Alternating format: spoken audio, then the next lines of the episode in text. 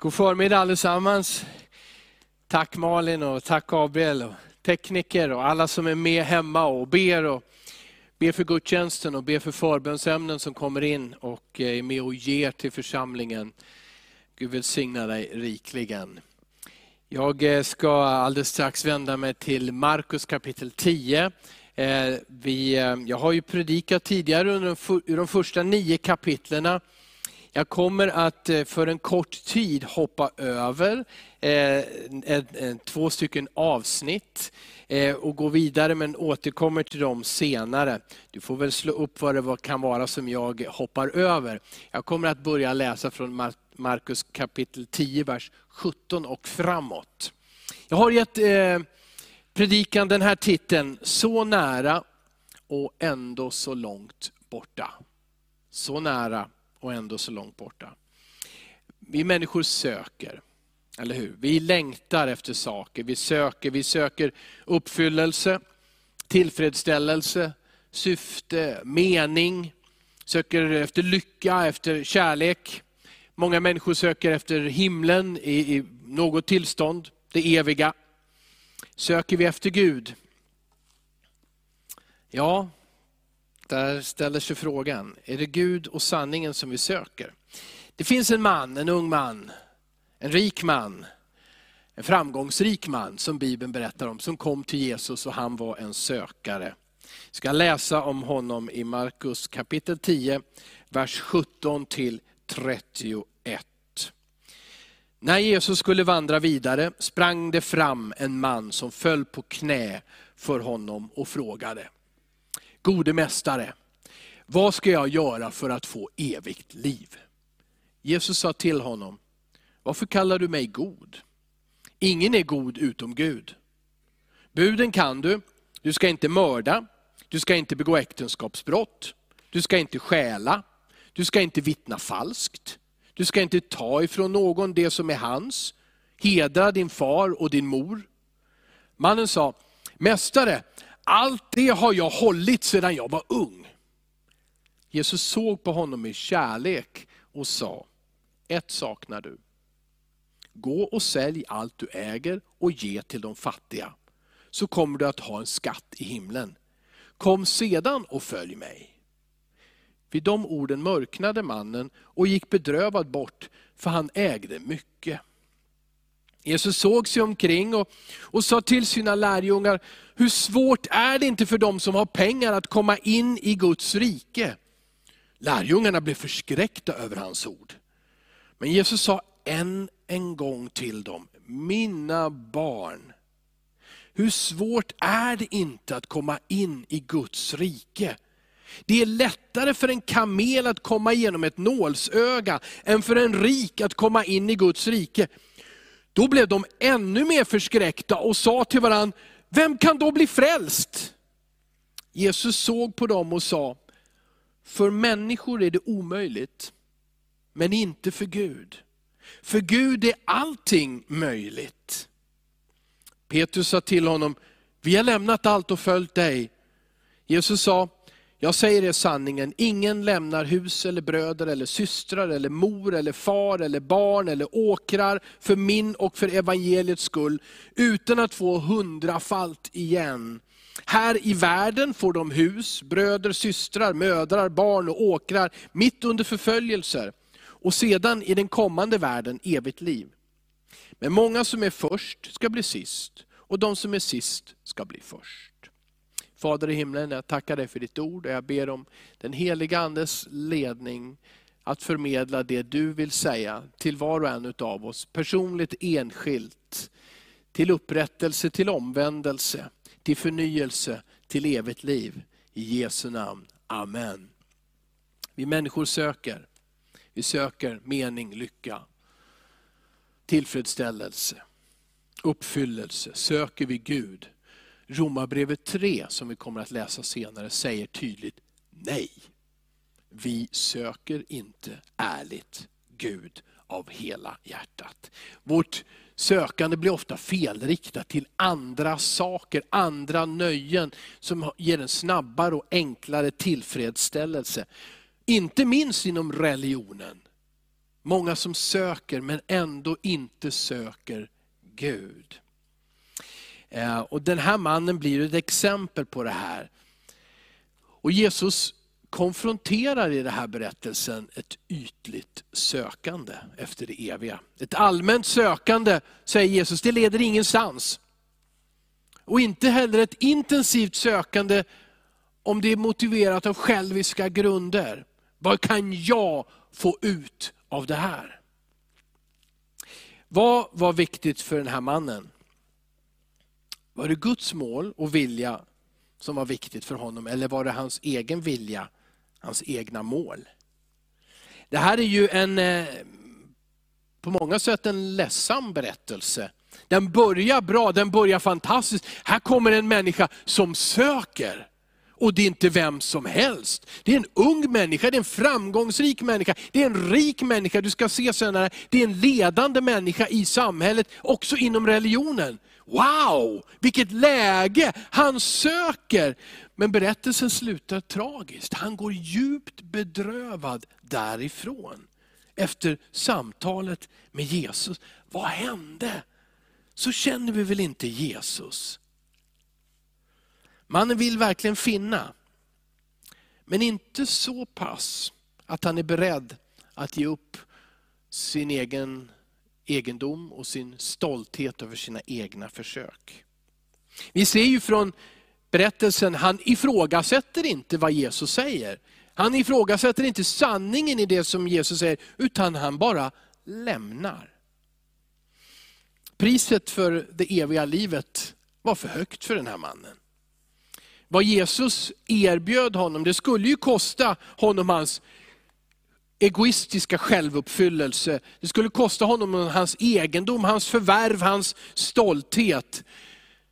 Han älskade sig själv mer än Gud. Han älskade det jordiska mer än det himliska. Han älskade det materiella mer än det andliga. Och han gick därifrån. Ibland när vi har samtal med människor som söker så måste vi ibland övertyga dem om att det finns en evighet. Nej, det finns bara det som vi ser här och nu. Vi kanske måste övertyga dem, nej, nej, det finns en himmel, det finns ett helvete, det här är reella saker. Vi kommer att leva vidare efter det här livet och det är viktigt vad vi gör för val idag. Ibland är det det som är diskussionen, men det var helt onödigt eller överflödet i det här samtalet. Han behövde inte det. Han var verkligen han hade en god grund att stå på. Han visste mycket om Guds ord. Eh, men varför sa inte Jesus bara, be efter mig nu. Vad du behöver göra, du behöver ta ett beslut. Du behöver bekänna mig som Herre och sen så ska du gå och döpa dig. Man, jag tror att mannen hade gjort det. Han var en sökare, han hade mycket, han hade kommit långt men han märkte någonting saknas. Så han frågar Jesus, och det känns som, men här Jesus det är ett öppet mål. Bara skjut in bollen, mannen är där, han är redo. Men Jesus börjar på ett sätt som förvånar, chockerar, nästan kan göra oss besvikna eventuellt. Borde inte Jesus ha varit lite snällare överhuvudtaget? Han kunde ha sagt någonting annat. Var lite mer förstående. Och då kan man ju ställa sig frågan redan här, är det, ska Jesus lära sig av oss och av svensk kultur hur man möter människor? Borde han göra det? Eller ska vi lära oss av Jesus hur han möter människor i deras sökande? Mannen, än en gång. Ja, det står att han var man, det var en fördel i det samhället.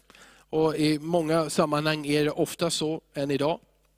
Han var ung och per definition här, judiskt, så, så har jag läst att det, det handlar om att han var mellan 24 till 40. Eh, så han var ung, han var frisk antagligen. Eh, dåliga nyheter för dig som är 41, du är inte längre ung. Eh, men han var ung, han var mellan 24 till 40. Han var rik, vi, vi ser att han hade mycket ägodelar, så mycket att han inte ville ge upp dem. Eh, och Lukas skriver att han var rådsherre. Det betyder att antingen så satt han i stora rådet i Jerusalem, det religiösa stora rådet med fariseerna, eller så var han synagogföreståndare. Och Det här innebär alltså att han hade fått mycket skolning. Han kunde det som vi kallar för gamla testamentet utan till. Han var lärd, han var vis, han hade inflytande. Han var en from man som människor såg upp till, respekterade, bad om råd när de ville förstå och lära känna Gud och gå Guds vägar. Han var också rik. Han hade så oerhört mycket utav livets kvalitet och välsignelse. Han var moralisk. Det, det, är ingenting som antyder att han hade nått sin rikedom genom att vara korrupt, korrumperad på något sätt. Jag tror att han var en respekterad man. Men i allt det här så fanns det ändå en längtan i hans hjärta. Det står inte, men vi förstår ändå. Det fanns någonting. Var det en tomhet? Jag har så mycket, jag undervisar andra om, om Guds väg och jag har alla pengar jag behöver, alla ägodelar jag behöver. Jag är ung, jag har framtiden framför mig. Och ändå så fanns det någonting. Var det en tomhet i hjärtat? Var det en rädsla? Jag tycker att jag gör allting rätt, men tänk om Gud ändå inte frälser mig. Jesus, hur? Vad ska jag göra för att få evigt liv? är frågan som han ställer. Vi fortsätter att titta lite grann på mannen. För han har mycket positiva kvaliteter. Han sprang till Jesus står det. Det här gör ännu idag inte en man med status i Mellanöstern. Det är ovärdigt för en respekterad man att springa. Men, den här mannen sprang till Jesus. Han ville alltså, det stod att Jesus var på väg att gå vidare. Han ville verkligen få sin fråga ställd och lyssna till Jesus svar. Han eh, sprang inte till vem som helst, han sprang till Jesus. Den rabbin som av många av hans kollegor föraktades och många redan planerade att döda. Men det var värt, han märkte, han hade hört någonting om Jesus, eller själv lyssnat till honom. Han visste, jag måste få ställa min fråga just till Jesus. Så mannen söker och han kommer till rätt person för sökande, eller hur? Jesus. Där, när han väl är framme så böjer han knä för Jesus. Vem gör det idag? Den här mannen böjer knä. Han ödmjukar sig. Det här är helt otroligt. Den här mannen har en beundransvärd attityd. Man kan lugnt säga bibliskt på många sätt. Och så hälsar han på Jesus med respekt och säger, gode mästare.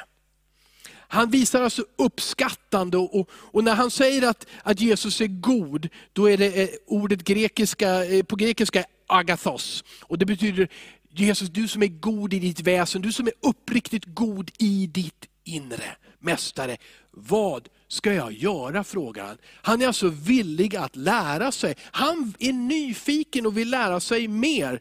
Wow, den här mannen har fantastiska kvaliteter, i alla fall så som jag läser och, och ser vad som står här. Han är på toppen av livet, han är på toppen av så mycket. Kanske var det så. Jag upprepar mig.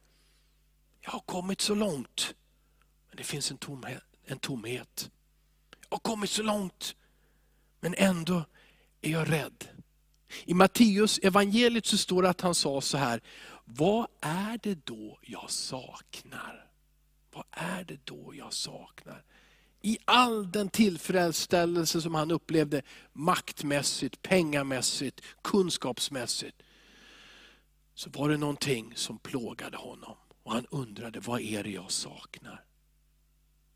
Han såg i Jesus någon som hade kommit längre. Han såg i Jesus någon som var tillfreds. Han såg i Jesus någon som var osjälvisk, som var trygg i sin gudsrelation. När han frågar efter evigt liv. Jesus, vad ska jag göra för att få evigt liv? Bara en kort kommentar om evigt liv.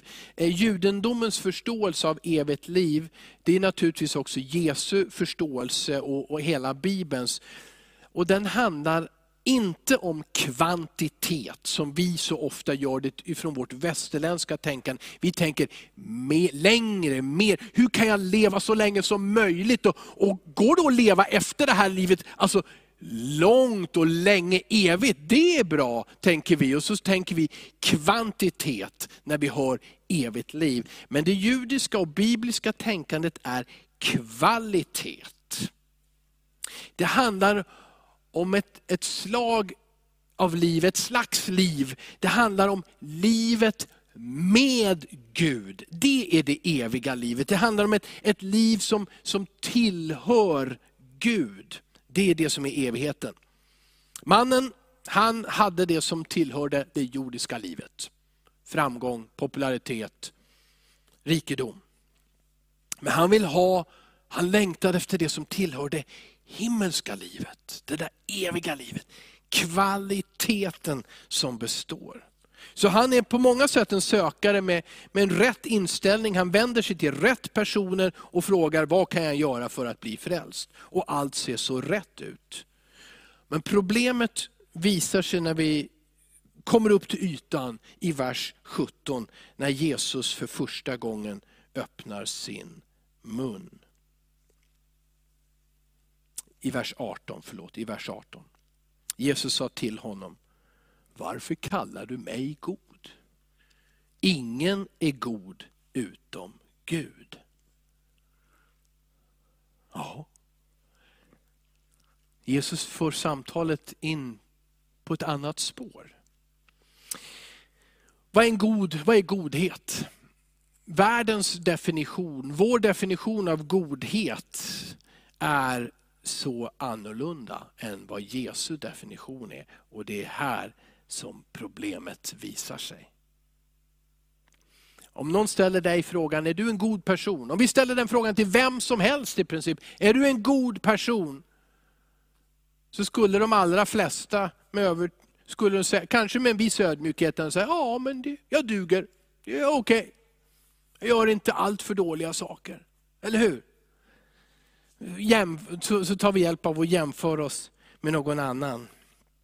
Och även den här mannen gör det, han använder alldeles för löst det här begreppet när han säger att gode mästare, du som är god. Eh, han hade, han, allt vad han hade hört om Jesus sa honom att Jesus var god. Och, och Jesus mördade ingen. Och, och, Jesus, ja, han var inte ens gift, men han, han bröt inte äktenskapet, han låg inte med massa kvinnor. Han, han var inte oärlig, han, han förtryckte inte människor. Jesus var ju god. Och, och mannen på sin skala av godhet säger att Jesus är verkligen god. Han är mycket provocerande också, mina kollegor vill döda honom. Men han är ju god. Enligt den här definitionen av att göra rätt saker. Och det är sant, Bibeln säger helt tydligt och klart, Jesus syndade aldrig i ord, tanke eller handling. Han gjorde inte det som var själviskt, egoistiskt, korttänkt, fuskade med en genväg. Det fanns inte hos Jesus. Trots att han var människa så gjorde han det som var gott. Och det här såg mannen och tänkte, hur blir jag sån? För det är ju det som jag måste lyckas med, eller hur? Jag funderar lite grann på hur skulle jag ha svarat på den här mannens fråga? Hur skulle du ha svarat? Ja, jag hade nog sagt, wow! Ja, du ska tro på Jesus. Ja, bekänn honom som Herre och så bli döpt. Det här är bra. Du söker på rätt väg. Så här sa ju i princip Paulus vid ett annat tillfälle till en fångvaktare i Filippi i staden Filippi. Ni vet när, när Paulus och Silas varit fängslade, det blev en jordbävning medan de sjöng lovsång. Det var mycket ljud på den lovsången. Och, och eh, så var det mycket kraft kanske. Eh, och, och, så föll fängelsemurarna ner och, och, mannen ville ta sitt liv, den här fångvaktaren, för han trodde alla fångar hade flytt. Men Paulus säger, nej vi är fortfarande här. Och, och då står det så här i kapitel 16, vers 30 i Apostlagärningarna. Han förde ut Paulus och Silas och frågade, Herre vad ska jag göra för att bli frälst? Och Paulus ger det svar som jag har lärt mig och som jag tycker att Jesus borde ha gett den unge rike mannen kanske. De svarade så här, tro på Herren Jesus så blir du frälst, du och din familj. Och de förkunnade Herrens ord för honom och för alla i hans familj. Och han döptes genast tillsammans med hela sin familj. Varför svarade inte Jesus så här? Kunde inte Jesus vara lite mer sökarvänlig i sammanhanget? Kamma medhårs, som vi brukade säga när vi hade hår. Eller ni har det väl fortfarande. Men Jesus svarar annorlunda. Varför, talar, varför talas det ingenting om tro i den här berättelsen? Tron är ju det viktiga. Tron behövs. Men innan tron, positiva tron på Jesus, så behövs det här också någonting annat. Det behövs ånger och omvändelse. Det behövs ånger och omvändelse. Samtalet som Jesus för med mannen, det handlar om den här delen utav vår väg. Det handlar om synden, det handlar om lagen och det handlar om omvändelsen. Jesus sa, varför kallar du mig god? Varför slänger du dig med sådana ord? Och så säger han och omdefinierar och säger, ingen är god utom Gud. Måste jag lägga in en passus här, kort bara. Jesus förnekar inte att han är Gud. Men han förstår att den här mannens definition av att han är god är annorlunda. Jesus vill absolut att mannen ska se och erkänna, upptäcka att Jesus är Guds son, genomgod, kommen för att dö för våra synder. Men mannen mäter med en annan skala. Han tänker på prestationen. Jesus lyckas ju göra allt det här och verkar inte göra några misstag. Alltså är han god, gode mästare. Men den definitionen tänker Jesus inte acceptera. Han vill få mannen att förstå vad det verkligen handlar om.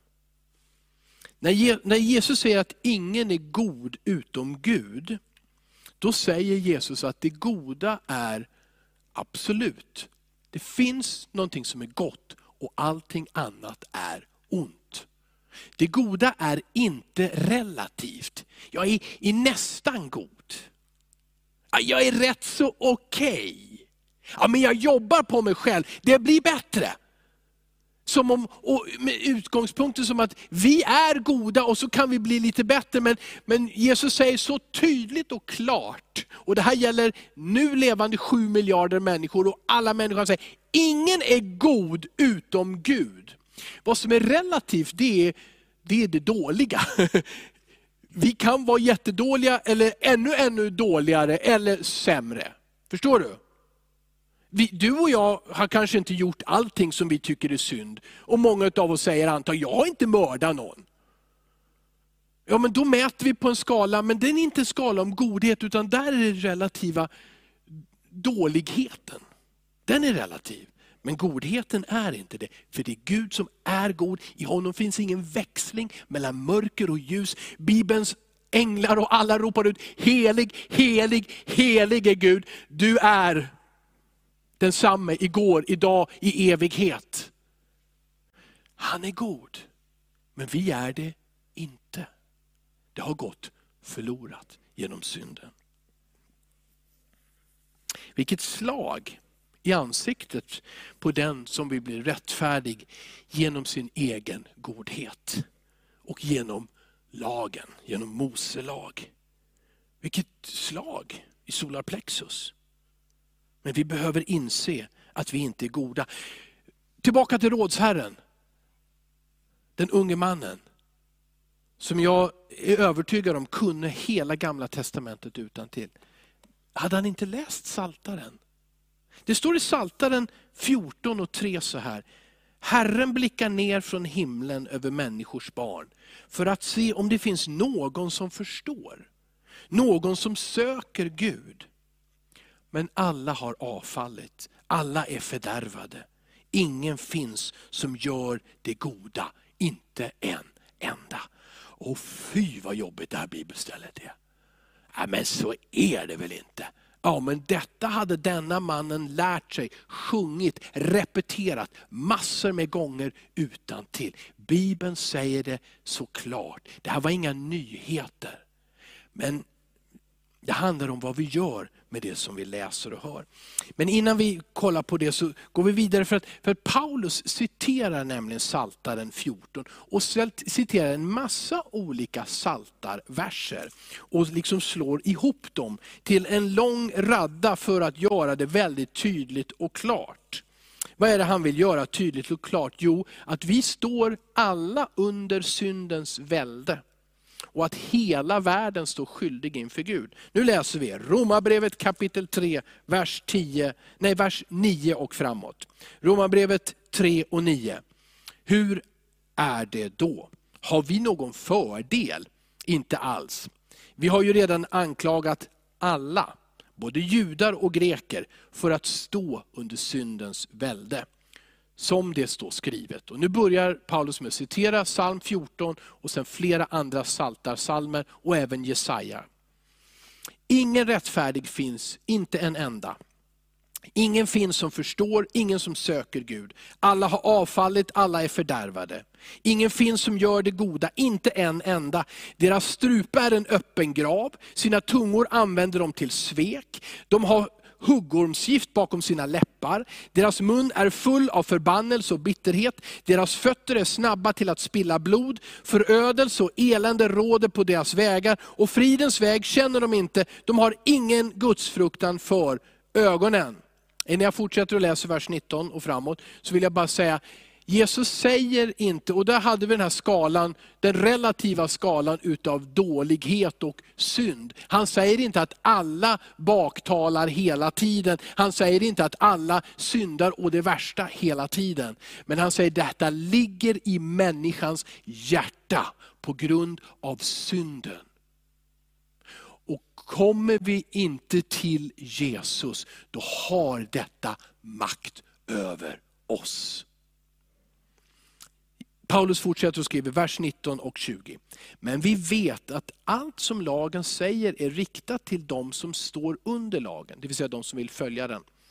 För att varje mun ska tystas och hela världen står skyldig inför Gud. Ingen människa förklaras rättfärdig inför honom genom laggärningar. Vad som ges genom lagen är insikt om synd. Det är intressant, det står här att varje mun ska tystas. Alltså varje självrättfärdighet. Vi ska se om mannens mun tystas eller om han fortsätter och snacka.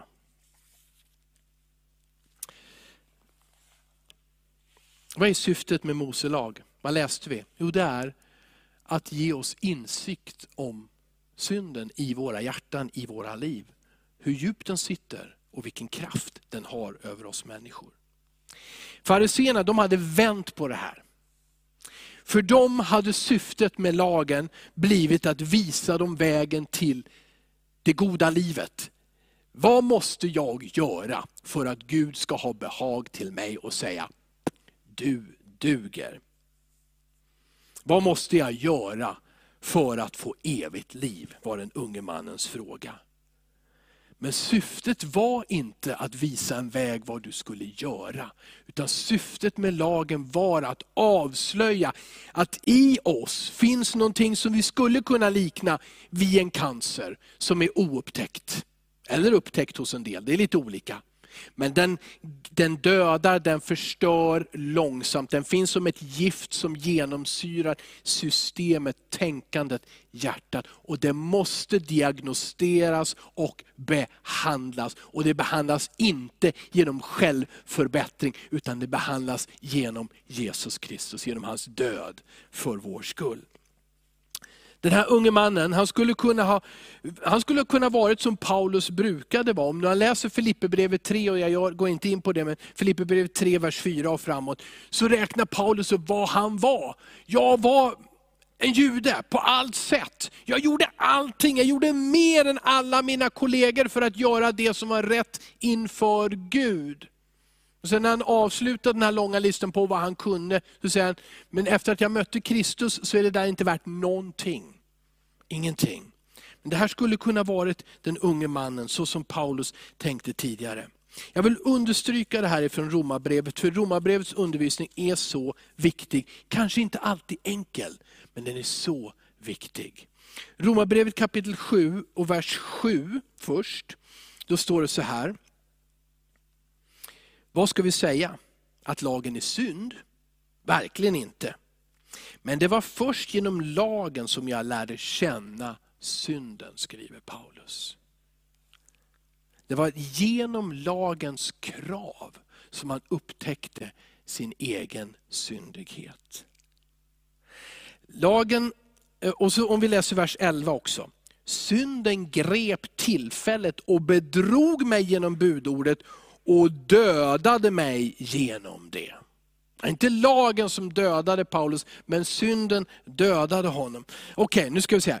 Nummer ett, lagen visade Paulus på synden i hans eget liv. Att han, i grunden så var han inte god.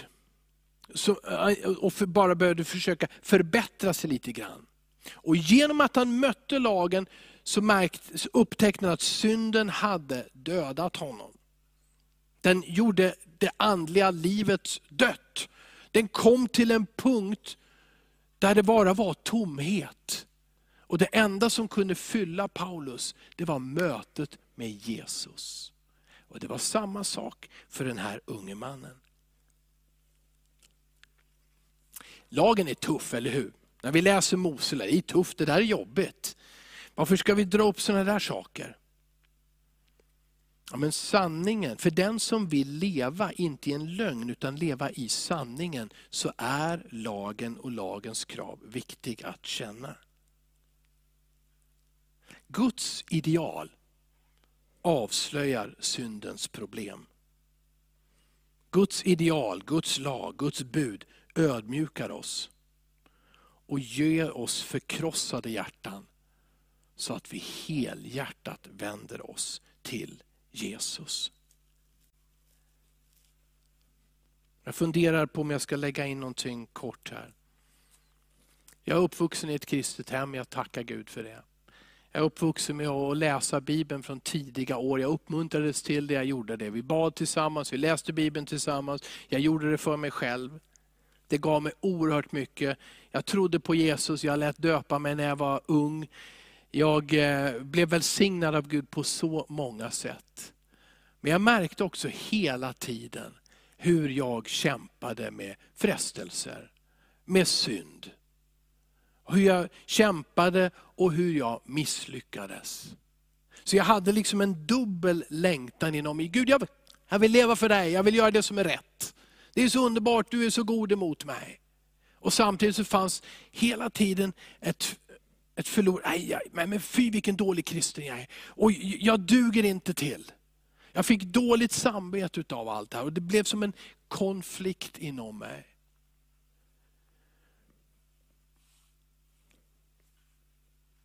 Jag ställde en fråga så här. Hur kan jag som har vuxit upp så bra, kärleksfulla föräldrar, en hel familj, Eh, undervisning i söndagsskola, kärlek från människor runt omkring. Hur kan det komma sig att jag som vuxit upp i lite av ett paradis, ändå kan ha så mörka tankar? kan drivas åt att vara så destruktiv i hur jag tänker om mig själv. Och falla för frestelser, trots att jag har lovat mig själv hundratals gånger, det här ska du inte göra, du ska inte göra det. Och ändå så följer jag.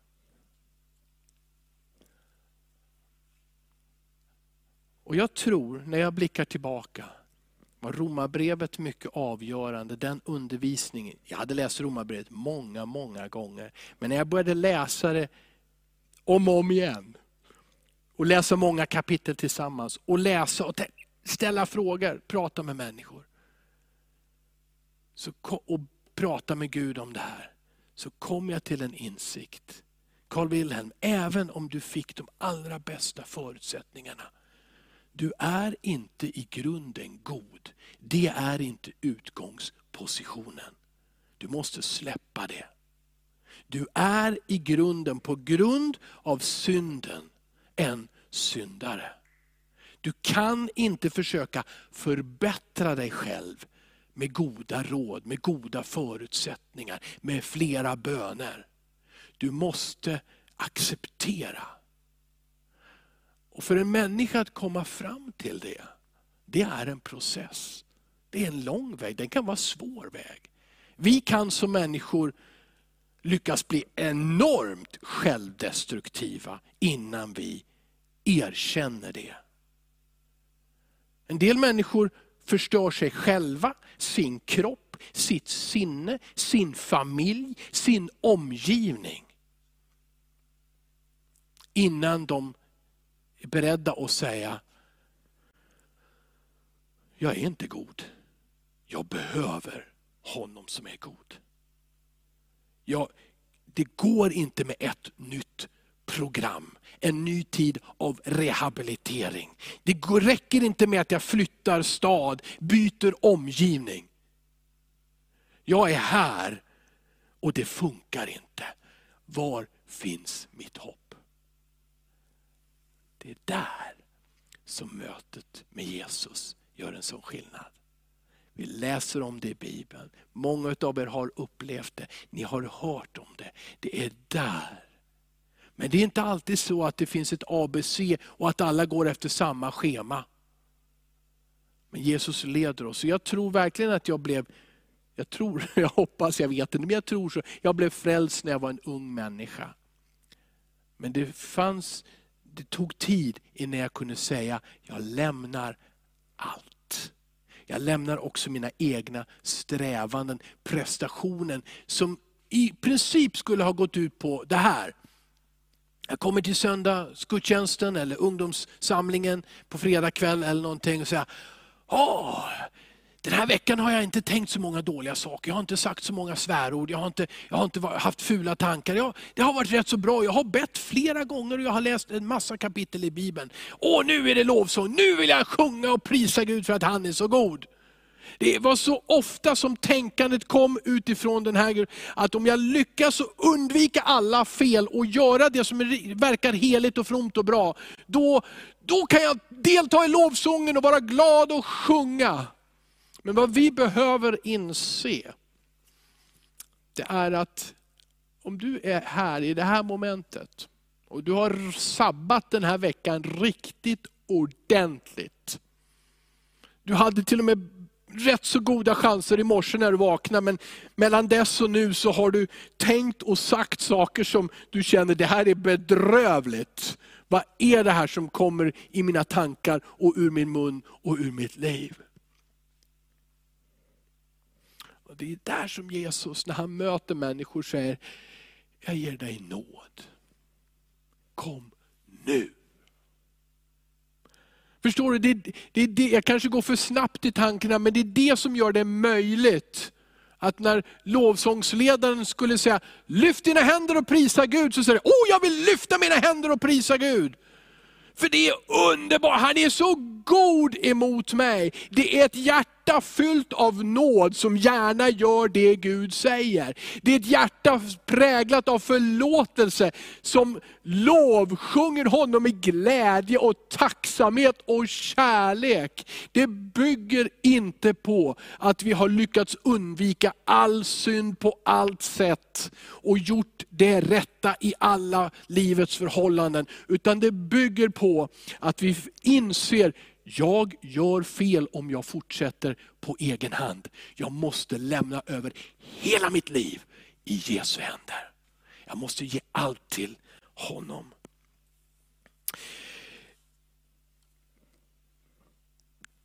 Ja, tiden går, klockan går. Jag, jag, jag måste bromsa på något sätt, va? eller hur? Jag, brukar, jag är inte känd för att bromsa. Mm. Får jag bara läsa, gå tillbaka lite grann till mannen och ta avslutningen så här. Jag tycker att det här är jätteviktigt att få säga. Jesus gör ett test först. Han frågar, okej okay, du kan ju budorden, så ska inte begå äktenskapsbrott, ska inte mörda, ska inte stjäla, ska inte bära falskt vittnesbörd. Det betyder du ska inte ljuga. Du ska heda din far och din mor. Det här är andra hälften av budorden och de handlar alla om mellanmänskliga relationer. Så Jesus ger ett test här och frågar, är, är du, eh, har du gjort allt det här? Ja, det, och mannen säger, och det är det här som är så otroligt. Romarbrevet sa att våra munnar ska tystas, men mannens mun den tystar inte. Det är här mannen avslöjar sig. Jag har gjort allt det här sedan jag var ung. Jag har gjort allt det här sedan jag var ung. Och då skulle jag säga så här att antagligen var han inte med vid Jesu bergspredikan, eller så lyssnade han dåligt. För när du läser i Matteus kapitel 5, så säger Jesus, ni har hört att det står skrivet, du ska inte döda. Ja, det skulle han ha sagt. Ja, precis. Och då säger Jesus, men jag säger er, och det här är ju Jesus. Varför? Jo, för Jesus han lämnar pappersprodukten, han lämnar det skrivna som handlar om det yttre livet och går alltid till våra hjärtan. Han säger, men jag säger er, att den som hatar sin broder har begått mord. Sen Jesus lite senare, ni säger, du ska inte begå äktenskapsbrott. Men jag säger er, den enda av er som tittar med lust och begär på en annan mans kvinna, eller på en kvinna, eller på en annan kvinnas man, har begått äktenskapsbrott. Vad är det med Jesus?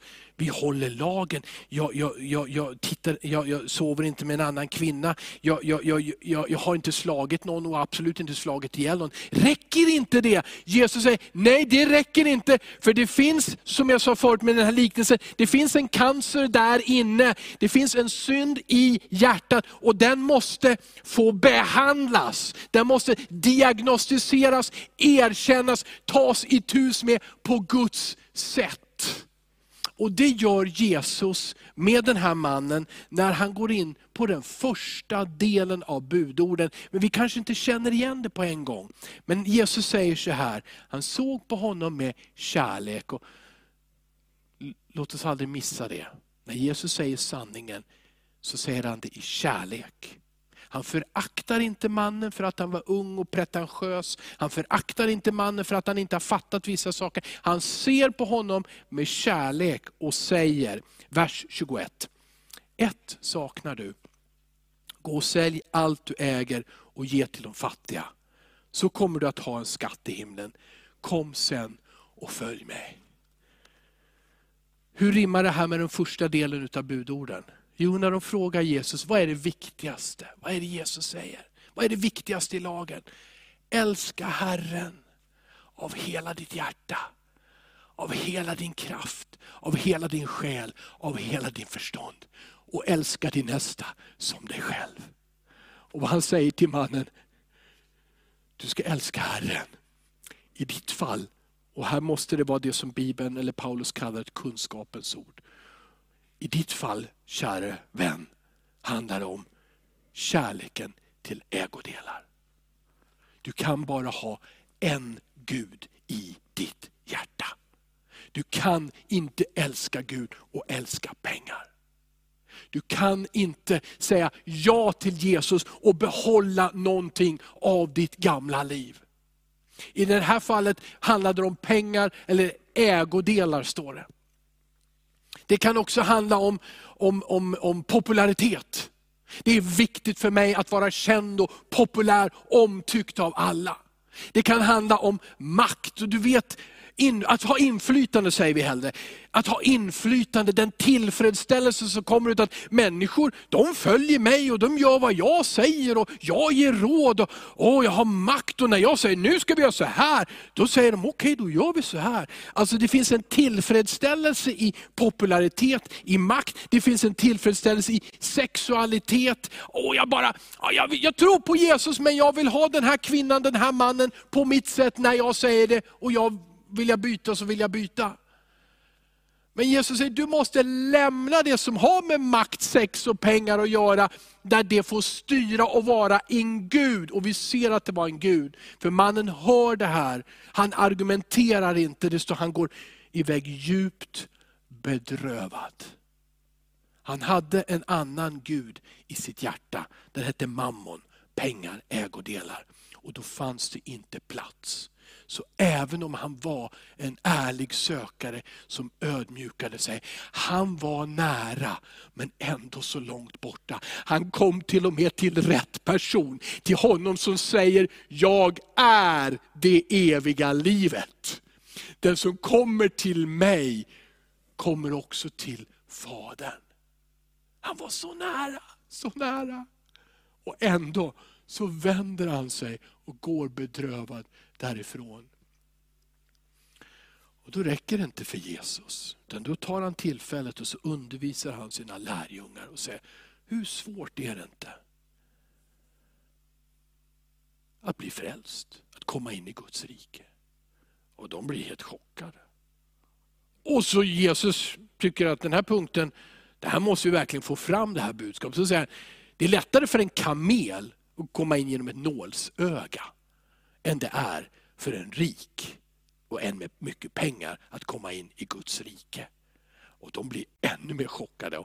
Vad är tolkningen utav det här? Det finns olika tolkningar. En möjlighet är att det handlar om en port i Jerusalems mur, som var så liten. Och som, när man, man stängde huvudingången på kvällen för att inte rövare och vilda djur skulle komma in i staden och så vidare. Men så fanns det en liten port om man kom med kamelen där och liksom nästan fick den att gå ner på knä och tog av lasten, så kunde man få igenom den genom nålens öga. Det här är en tolkning. En annan är att det, det här grekiska ordet det påminner om, från kamel, det påminner mycket om ordet rep. Ja, hur skulle det vara om du har en liten synål och så försöker du få igenom en tross genom den. Ja, men poängen, vad den är, poängen är, och det är det Jesus säger, för människan är det omöjligt. För människan är det omöjligt att säga, att jämföra sig med Gud, titta in i lagen, läsa Mosebok och säga, okej, okay, jag klarar det. Jag klarar, det, här, det går bra, det är lite svårt men jag klarar det. Det är omöjligt säger Jesus. Det är omöjligt. Det, sluta och tänk på det sättet säger Jesus. Han, han chockerar sina lärjungar. Så tycker du att det här är jobbigt, så tänk på att de tyckte det tydligen ännu, ännu mer. Men så säger han, men för Gud är allting möjligt. Ja? För Gud är allting möjligt. Det må vara hur omöjligt som helst för er. Men för Gud är det möjligt. Genom nåden och inte genom lagen. Genom Jesu död och inte genom att du och jag lyckas bygga och leva ett lyckligt och bra liv. Utan genom Jesu död. Där han tog alla våra synder, våra misslyckanden, också de här goda försöken utan Gud. Han tog allt det här på sig. Genom det så blir det möjligt. Genom ånger, genom omvändelse. Och hur viktigt är det inte? Och jag hoppas att något av den här predikan har gett ett djupare perspektiv på vad det innebär att säga Jesus är Herre. Och ett djupare perspektiv på att gå ner i dopgraven och säga, nu ska jag bli en kristen. Det handlar inte om att göra en god gärning som Bibeln begär utav dig, för att sen så ska Gud välsigna dig. Det handlar om att du begraver det som var livet utan Gud. Du begraver också det som var livet med Gud, plus det andra. Det handlar om att du säger, nu är det slut Jesus. Jag ser inte vägen framåt, varken med min intellektuella kapacitet, min muskelkraft, eller min mentala kraft eller någonting annat. Jag ser inte vägen framåt. Jag lägger det i dina händer. Jag kommer till dig som jag är och ger det till dig. Och han får ta det. Och han har tagit det på korset. Han har dött för dig. Han har älskat dig. Att säga Jesus är Herre och ändå låta någonting annat vara Herre över ditt hjärta. Det är ju inte så vi tänker och resonerar. Men det som, som griper tag i dig, det som driver dig, det som uppfyller dig, det är din Herre. Och det kan inte vara någon annan än Jesus Kristus. Den unge mannen, den rike mannen gick bedrövad bort. Men Jesus såg på honom i kärlek, talade till honom i kärlek. Och han hade en möjlighet. Han hade kunnat lägga ner allting där och följa Jesus. Och det är inbjudan. Att släppa taget om allting annat. Det här är efterföljelse.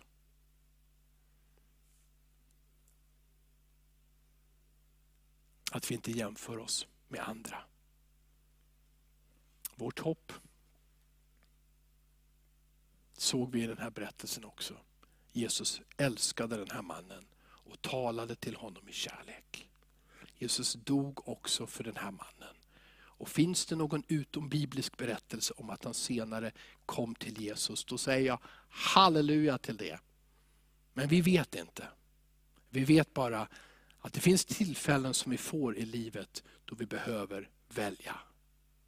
Ditt tillfälle är må hända idag. Att lämna allt och följa Jesus. Välkommen, välkommen till Jesus.